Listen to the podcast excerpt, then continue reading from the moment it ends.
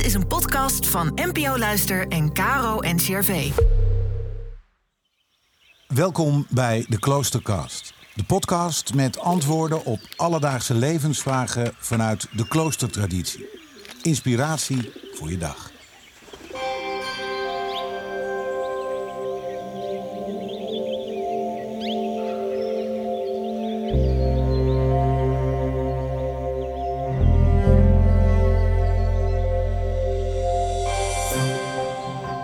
Hoe leid je een aandachtig leven?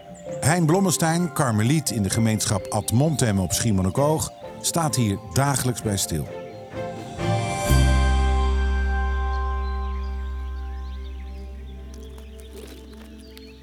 Van mijn vroege jeugd af heb ik mij verbaasd over alles rondom mij heen. Planten en bomen, koeien en vogels, de duinen en de zee. Maar ik keek vooral met verwondering naar de mensen. Sommige oude mensen trokken mijn aandacht door de wijsheid en rust die zij uitstraalden. Ik kon in stilte genieten van wat en wie ik zag, maar overal en in iedereen zag ik intuïtief een afspiegeling van het gelaat van God. Ik had daar als kind geen woorden voor, maar later in het klooster in de Karmel heb ik ontdekt dat daar een taal voor bestaat. Dat voelde als thuiskomen. Ook tijdens mijn noviciaat in Boksmeer, de leertijd voor een kloosterling, genoot ik ervan in stilte te kijken naar de Maas, het stromen van de rivier, de planten en de bloemen op de oevers, de vogels, een wereld van goddelijk leven op een steenworp van mijn kloostercel.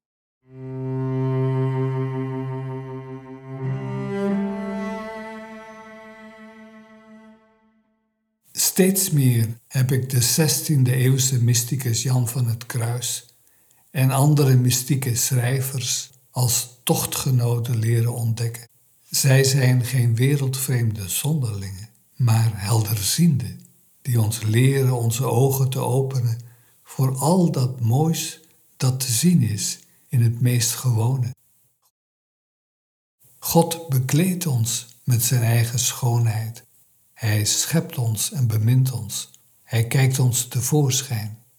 Als iedereen dat zou beseffen, zou niemand meer lijden aan een negatief zelfbeeld of in de put van depressie terechtkomen. Te vaak staan oordelen in de weg. Negatieve oordelen over mijzelf en de ander. Daarom is het wezenlijk om aandachtig te leven zonder oordelen en vooroordelen. Wij zien in de dagboeken van Henri Nouwen, een 20e eeuwse spirituele schrijver, hoe het gebed en zijn aandacht voor God hem in toenemende mate doen uitgroeien boven zijn psychische en spirituele problemen. Hij heeft geleerd om alles los te laten in een leven van loutere aandacht. Dit is een proces dat mensen met een handicap of een ziekte in de praktijk moeten doormaken. Hierin zijn ze op zoek naar hun eigen waarheid, voorbij alles wat wij zinvol of menswaardig achten.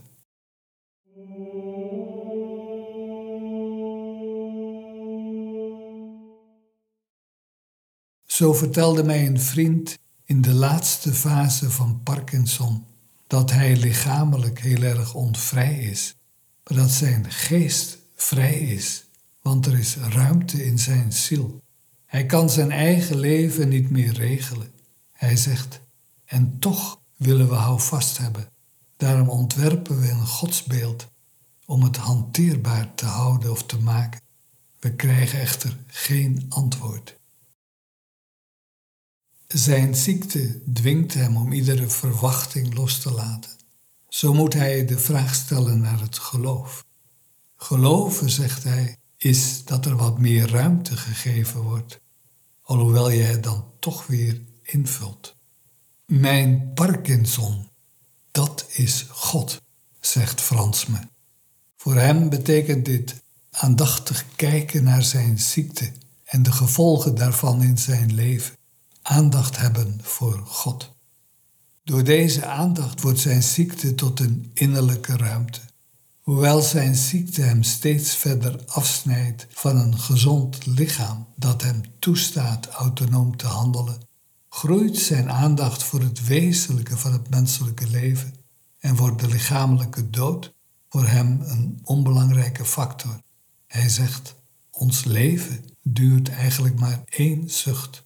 Frans zag zijn ziekte, hoe ongemakkelijk ook, als een geestelijke weg. Hij was voor mij een leermeester. Jij, die leven en liefde bent, geef dat ik aandachtig kijk naar dat wat is, naar deze mens die ik ontmoet.